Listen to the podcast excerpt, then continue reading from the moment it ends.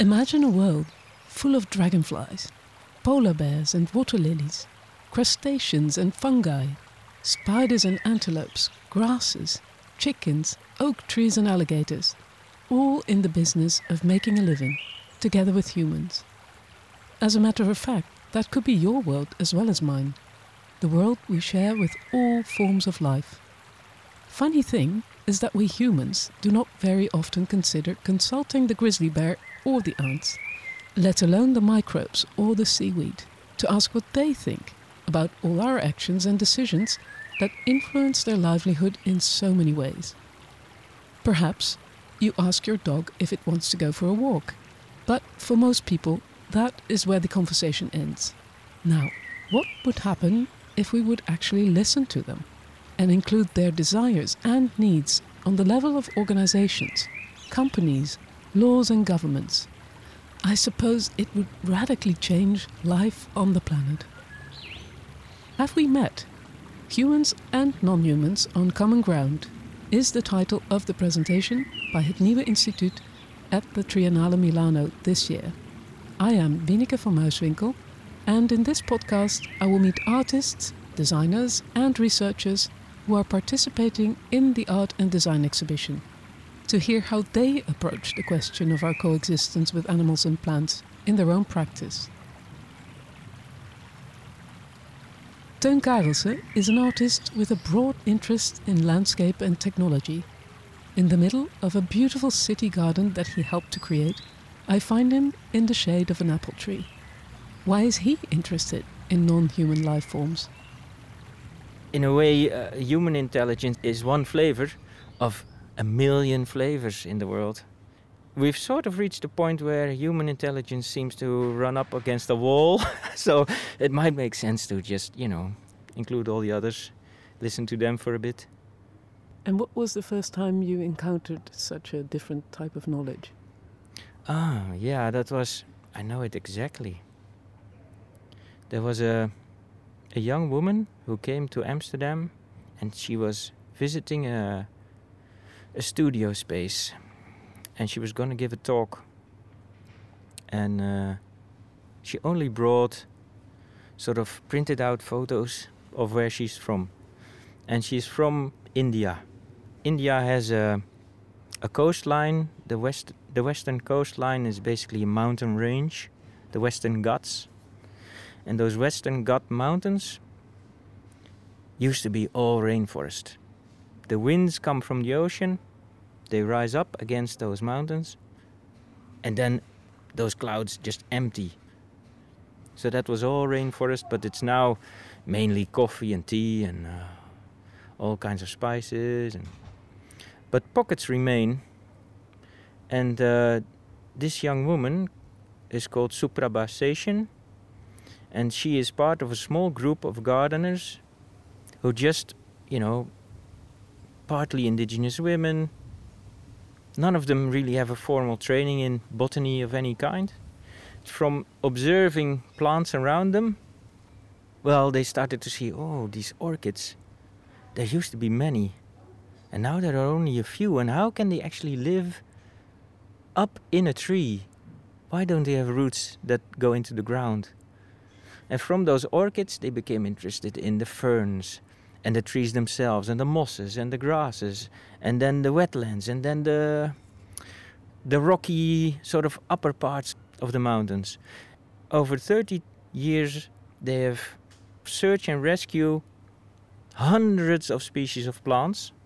Imagine there's maybe there's maybe 15 of those orchids that people know about. Sort of nobody knows if there are more than those 15 so you take maybe five that fall off a tree, and then those are the five you can work with.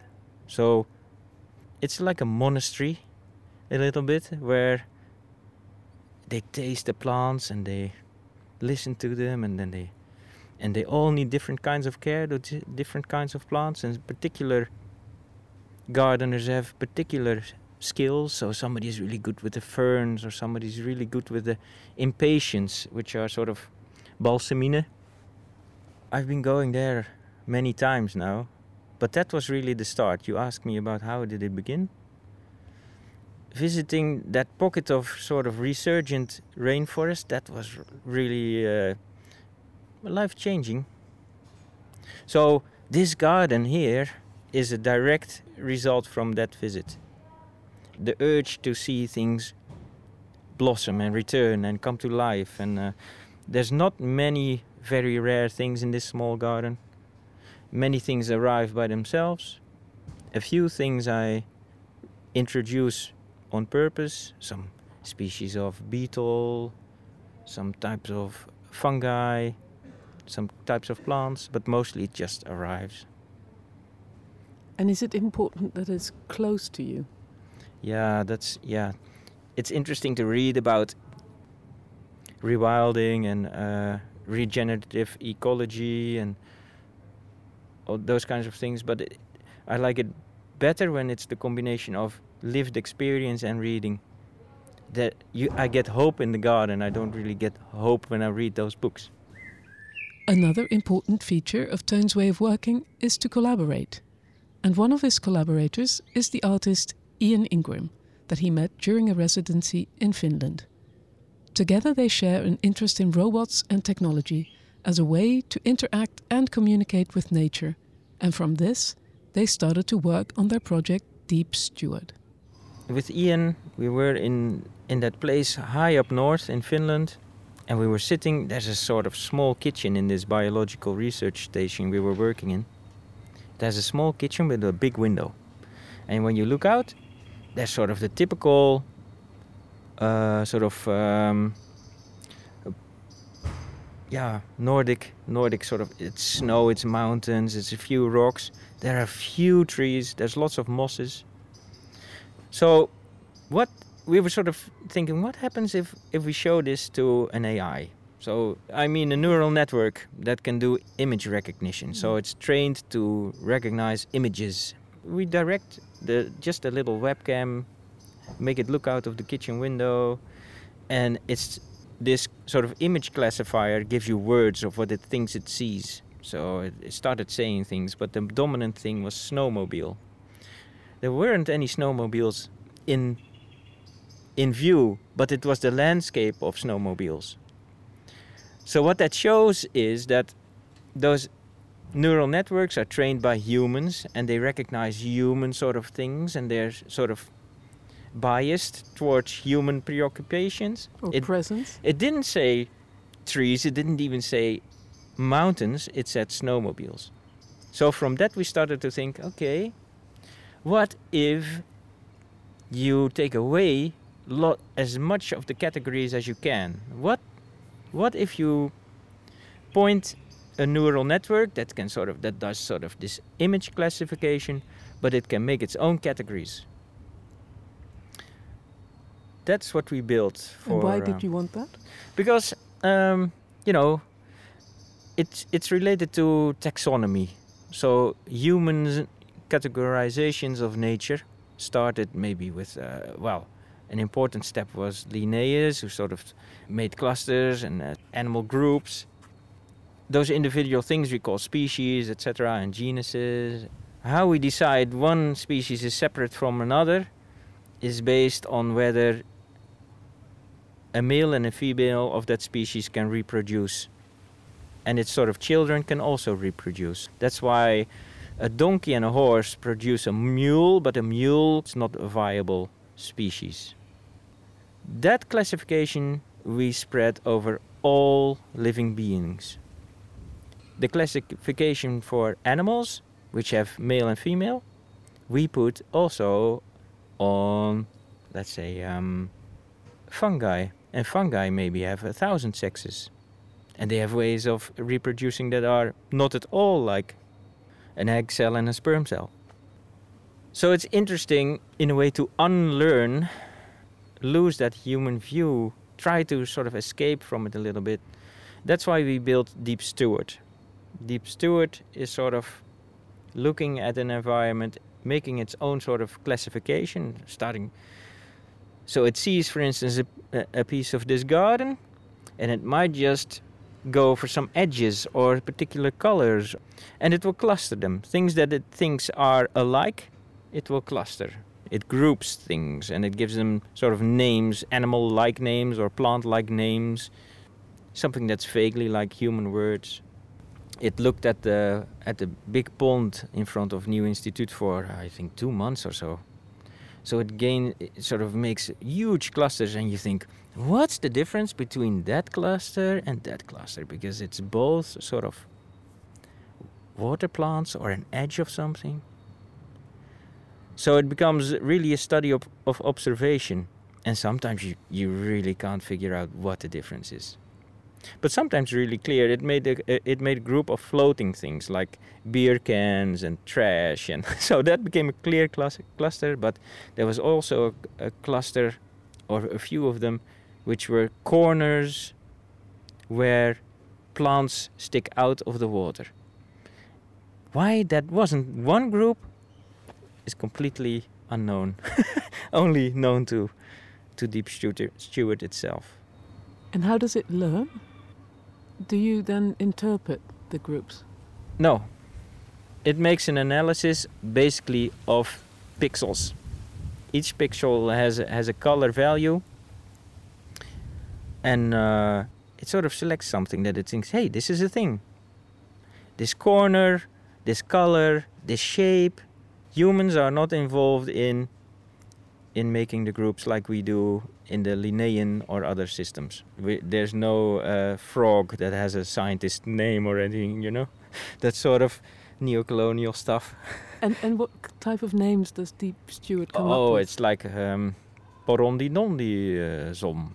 It's not all P's or T's in a row. It's sort of, it sounds like names, but not names you would know and it just keeps on looking. You know, it's got a limitless uh, attention span. It doesn't sleep. yeah, yeah, true. It's also looking at night, so uh, that kind of stuff gives potential to a machine. In some ways, they uh, are vulnerable to human uh, preoccupations, but they also have their own strengths. So the idea is, where can a machine be a strength, and where is it sort of just echoing human bias. We're sort of trying to figure that out. When we were first doing it in New Institute, it was just a webcam that doesn't move. And now Ian is, is working on a, a camera that, you know, one of those security cameras that's sort of everywhere now. It can sort of pan, so it can go sideways. It can tilt, so it can sort of go up and down.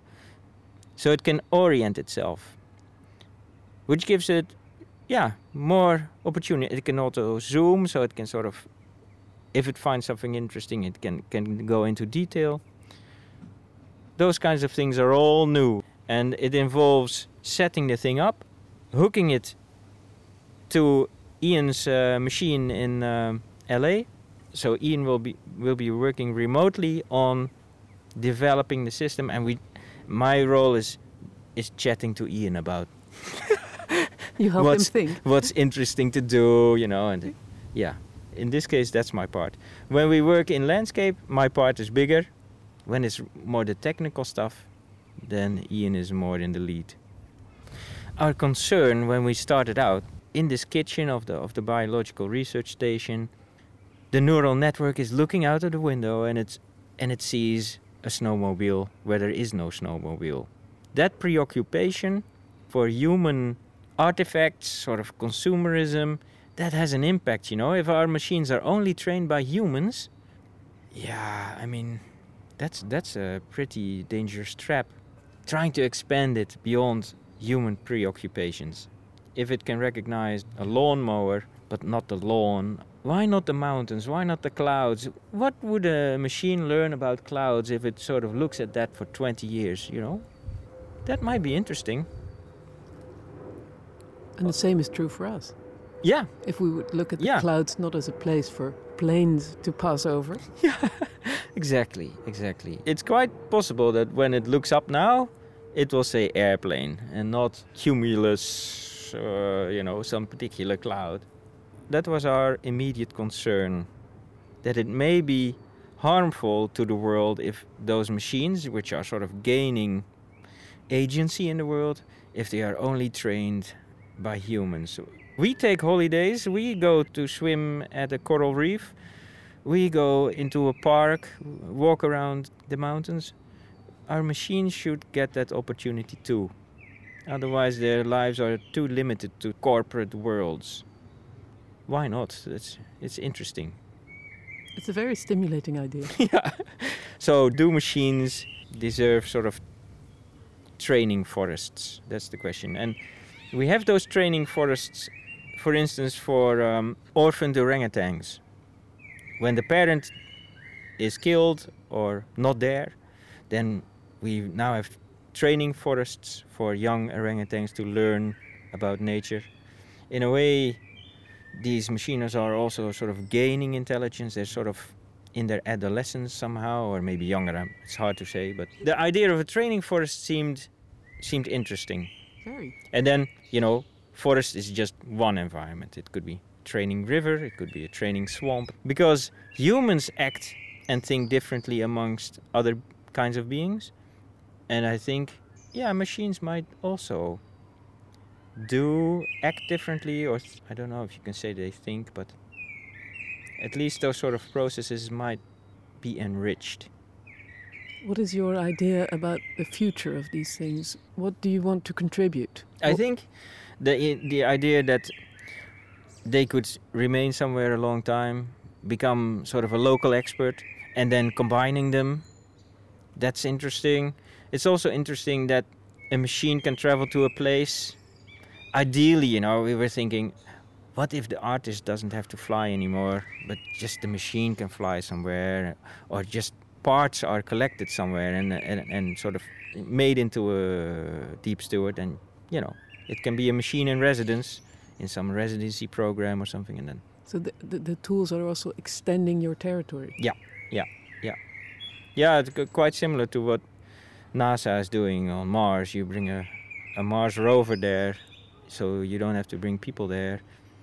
Yeah, that, and and we do it also with deep ocean research. You know, the, the these remotely operated vehicles, they swim down and they have little lights and they have little arms, and then the people on the ship, like two miles above, they they see oh it can't it, it it can't grab the rock. We have to make a different hand. So they have a they 3D print a different hand for the robot, and it comes up and it gets a new hand, and it goes down, and it oh now yeah yeah now it can grab that rock and it can take it up, and we learn about the deep sea. Yeah, that's interesting to to sort of to have the machine as a as something that can visit places and and have talents that we don't have like learning something for observing something day and night or listening to frequencies we can't hear or yeah. And what do you think other people would need to start listening and looking? oh we don't need machines but it's sometimes people say you know "Mm, if only we could hear the voice you know if if nature needs to be given a voice but i think you know every weather report is like like a deafening voice of uh, of nature. So it's more the willingness to listen i guess. It's not that there's no voice. The voice is deafening you know. The, for a species to go extinct that's that's the most extreme message you can get from a living being that it sort of dies and is not there anymore. That's the ultimate message. So we don't need machines for that. But if you're if you're sort of interested and you're sort of trying to explore stuff it's then it makes sense to include them.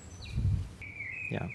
Is there something in the near future that you're very much looking forward to? Hmm.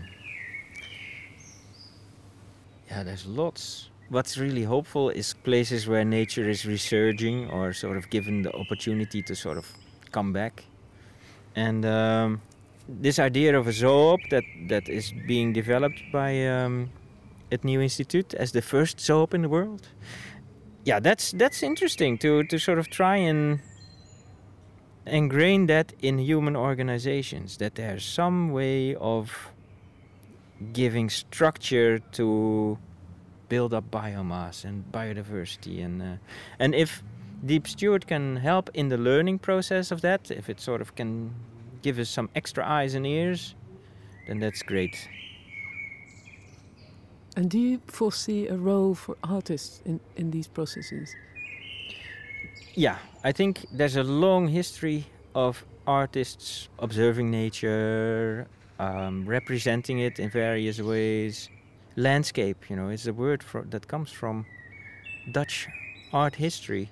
The first national park wasn't Yellowstone Park, it was a small park in France set up for artists to draw. The first zoo that was sort of aimed at conservation wasn't set up by a biologist, set up by a writer in England. Artists sometimes take first steps into things. Another revolutionary first step was taken by het Nieuwe Instituut this year, on April 22nd, Earth Day to be precise. That day, they became the very first zoop in the world. To answer your question, what on earth is a zoop? I met with Klaas Kuitenbrouwer, researcher and curator at het Nieuwe Instituut who was one of the co founders of the idea of a zoop.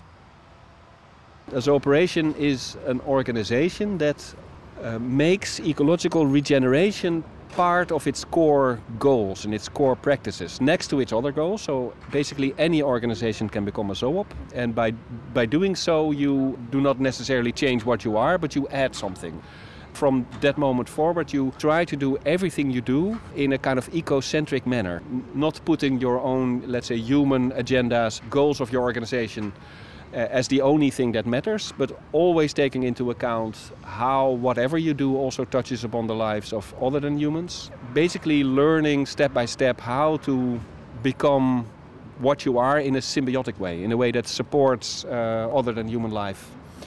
A zoop is two things a governance model and a learning process. So you include a person we call the speaker for the living. This person has the task to represent the interests and voices of other than human life within the sphere of operations of that organization to make sure that these interests and voices are taken into account in the, in the decisions of the organization. And is this a new idea? The idea of the speaker for the living uh, is actually kind of derived from the rights of nature movement. Rights of nature is a movement that kind of takes place all around the world and has now also started in Europe. And it comes down to kind of legal innovations by which other than human bodies also become legal persons or gain some kind of legal standing, which they never had in our law. Uh, they're either resource or cattle or products. Uh, they're never subjects. They're not citizens. They're not. Uh, their quality of life is not something that the law is concerned with. Uh, but in through actually the emancipation of various indigenous cultures in South America, but also Northern America in certain local situations, Africa as well, India, New Zealand, uh, Australia. At, at different places, different varieties of rights of nature have been established, and the particular case of the Speaker for the Living is most directly uh, inspired by how it, how it plays out in uh, New Zealand. In New Zealand, there's a river, a mountain, and a forest that have gained legal personhood. So they're acknowledged as actual people, the living ancestors of various Iwi tribes.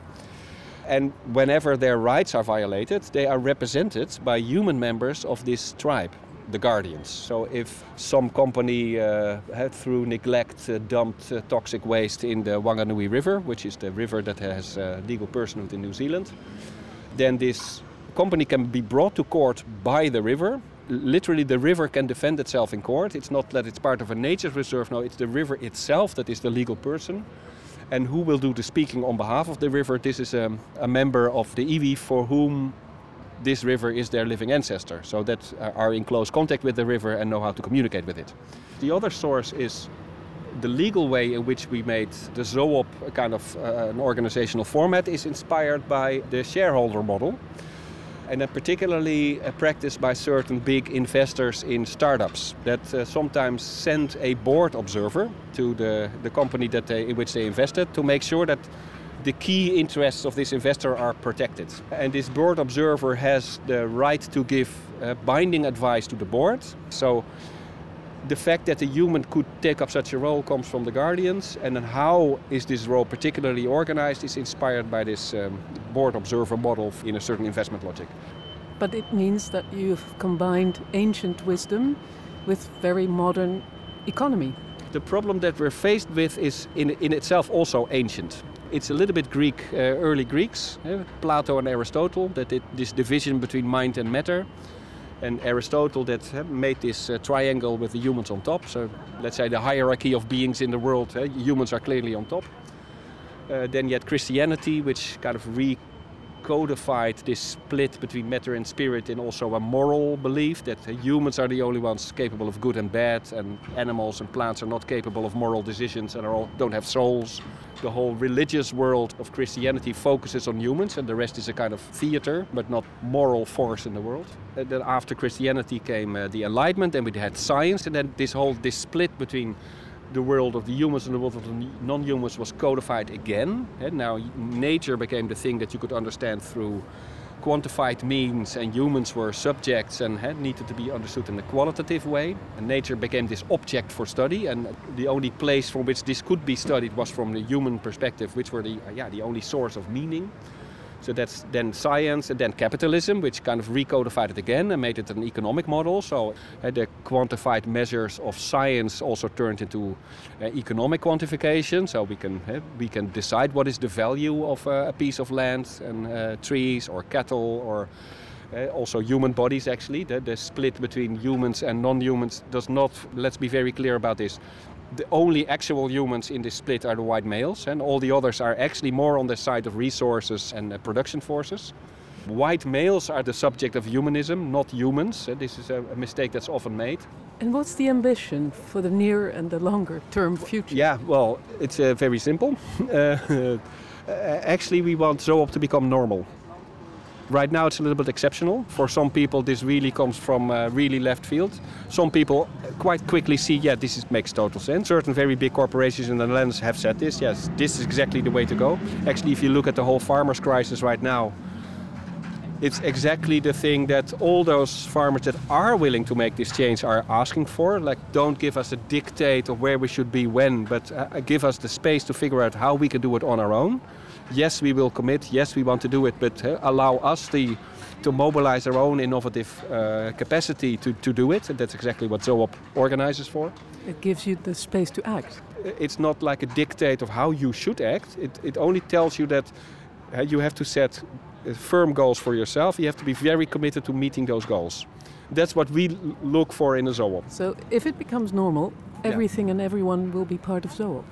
No, that's not the same thing. No. First, we want to grow. So, grow and not as in scale up, but spread. Yeah? Scaling up is this uh, neglect of scale as a kind of something that matters. It really matters a lot. So, we want a lot of zoops and also we want big zoops that work with a lot of biosphere. There's this uh, kind of metric in how societal change works. Uh, or how societal norms transform. And this is not on the large scale, this actually works for quite small groups already. It, it turns out that around a quarter of the opinions in a certain group, if they are aligned, then this can be enough to change the majority uh, opinion. It depends a little bit of an organization, but this, this 25% always seems to be this kind of turning moment. Like 24 is not enough, 26 is enough. It's, it really comes out of a lot of research. So we think 25 uh, of uh, the people within an organization is enough to become a zoop, for an organization to uh, legitimately become a zoop. 25% of organization in a certain sphere are enough to turn that sphere into a whole zoonomic sphere. So what we want to achieve is that regeneration becomes a societal norm. We're not actually looking for world domination. We're looking for becoming uh, unnecessary. We're not there yet. Yeah. A few things I need to digest. Becoming a zoop seems a very good plan. It could actually be inspiring and highly stimulating, apart from being a serious challenge. The first speaker for the living has a real job, and one that I sincerely hope will be followed by others. Communication with the other life forms should start with unbiased observations, and a talk I had with Theun Karelse convinced me that artists have a special ability to take first steps into a whole new future. Communication with the other life forms should start with unbiased observations, and the talk I had with Theun Karelse convinced me that artists have a special ability to take first steps into a whole new future. What's up next?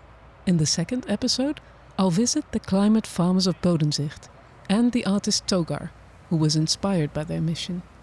You can visit the exhibition Have We Met? Humans and Non Humans on Common Ground in Milan till the 11th of December this year. For more digital information on both exhibition and ZOOPS, please visit the website of Het Nieuwe Instituut, triennale 2022.hetnieuweinstituut.nl or zoop.hetnieuweinstituut.nl. And it's ZOOP, Z-O-O-P.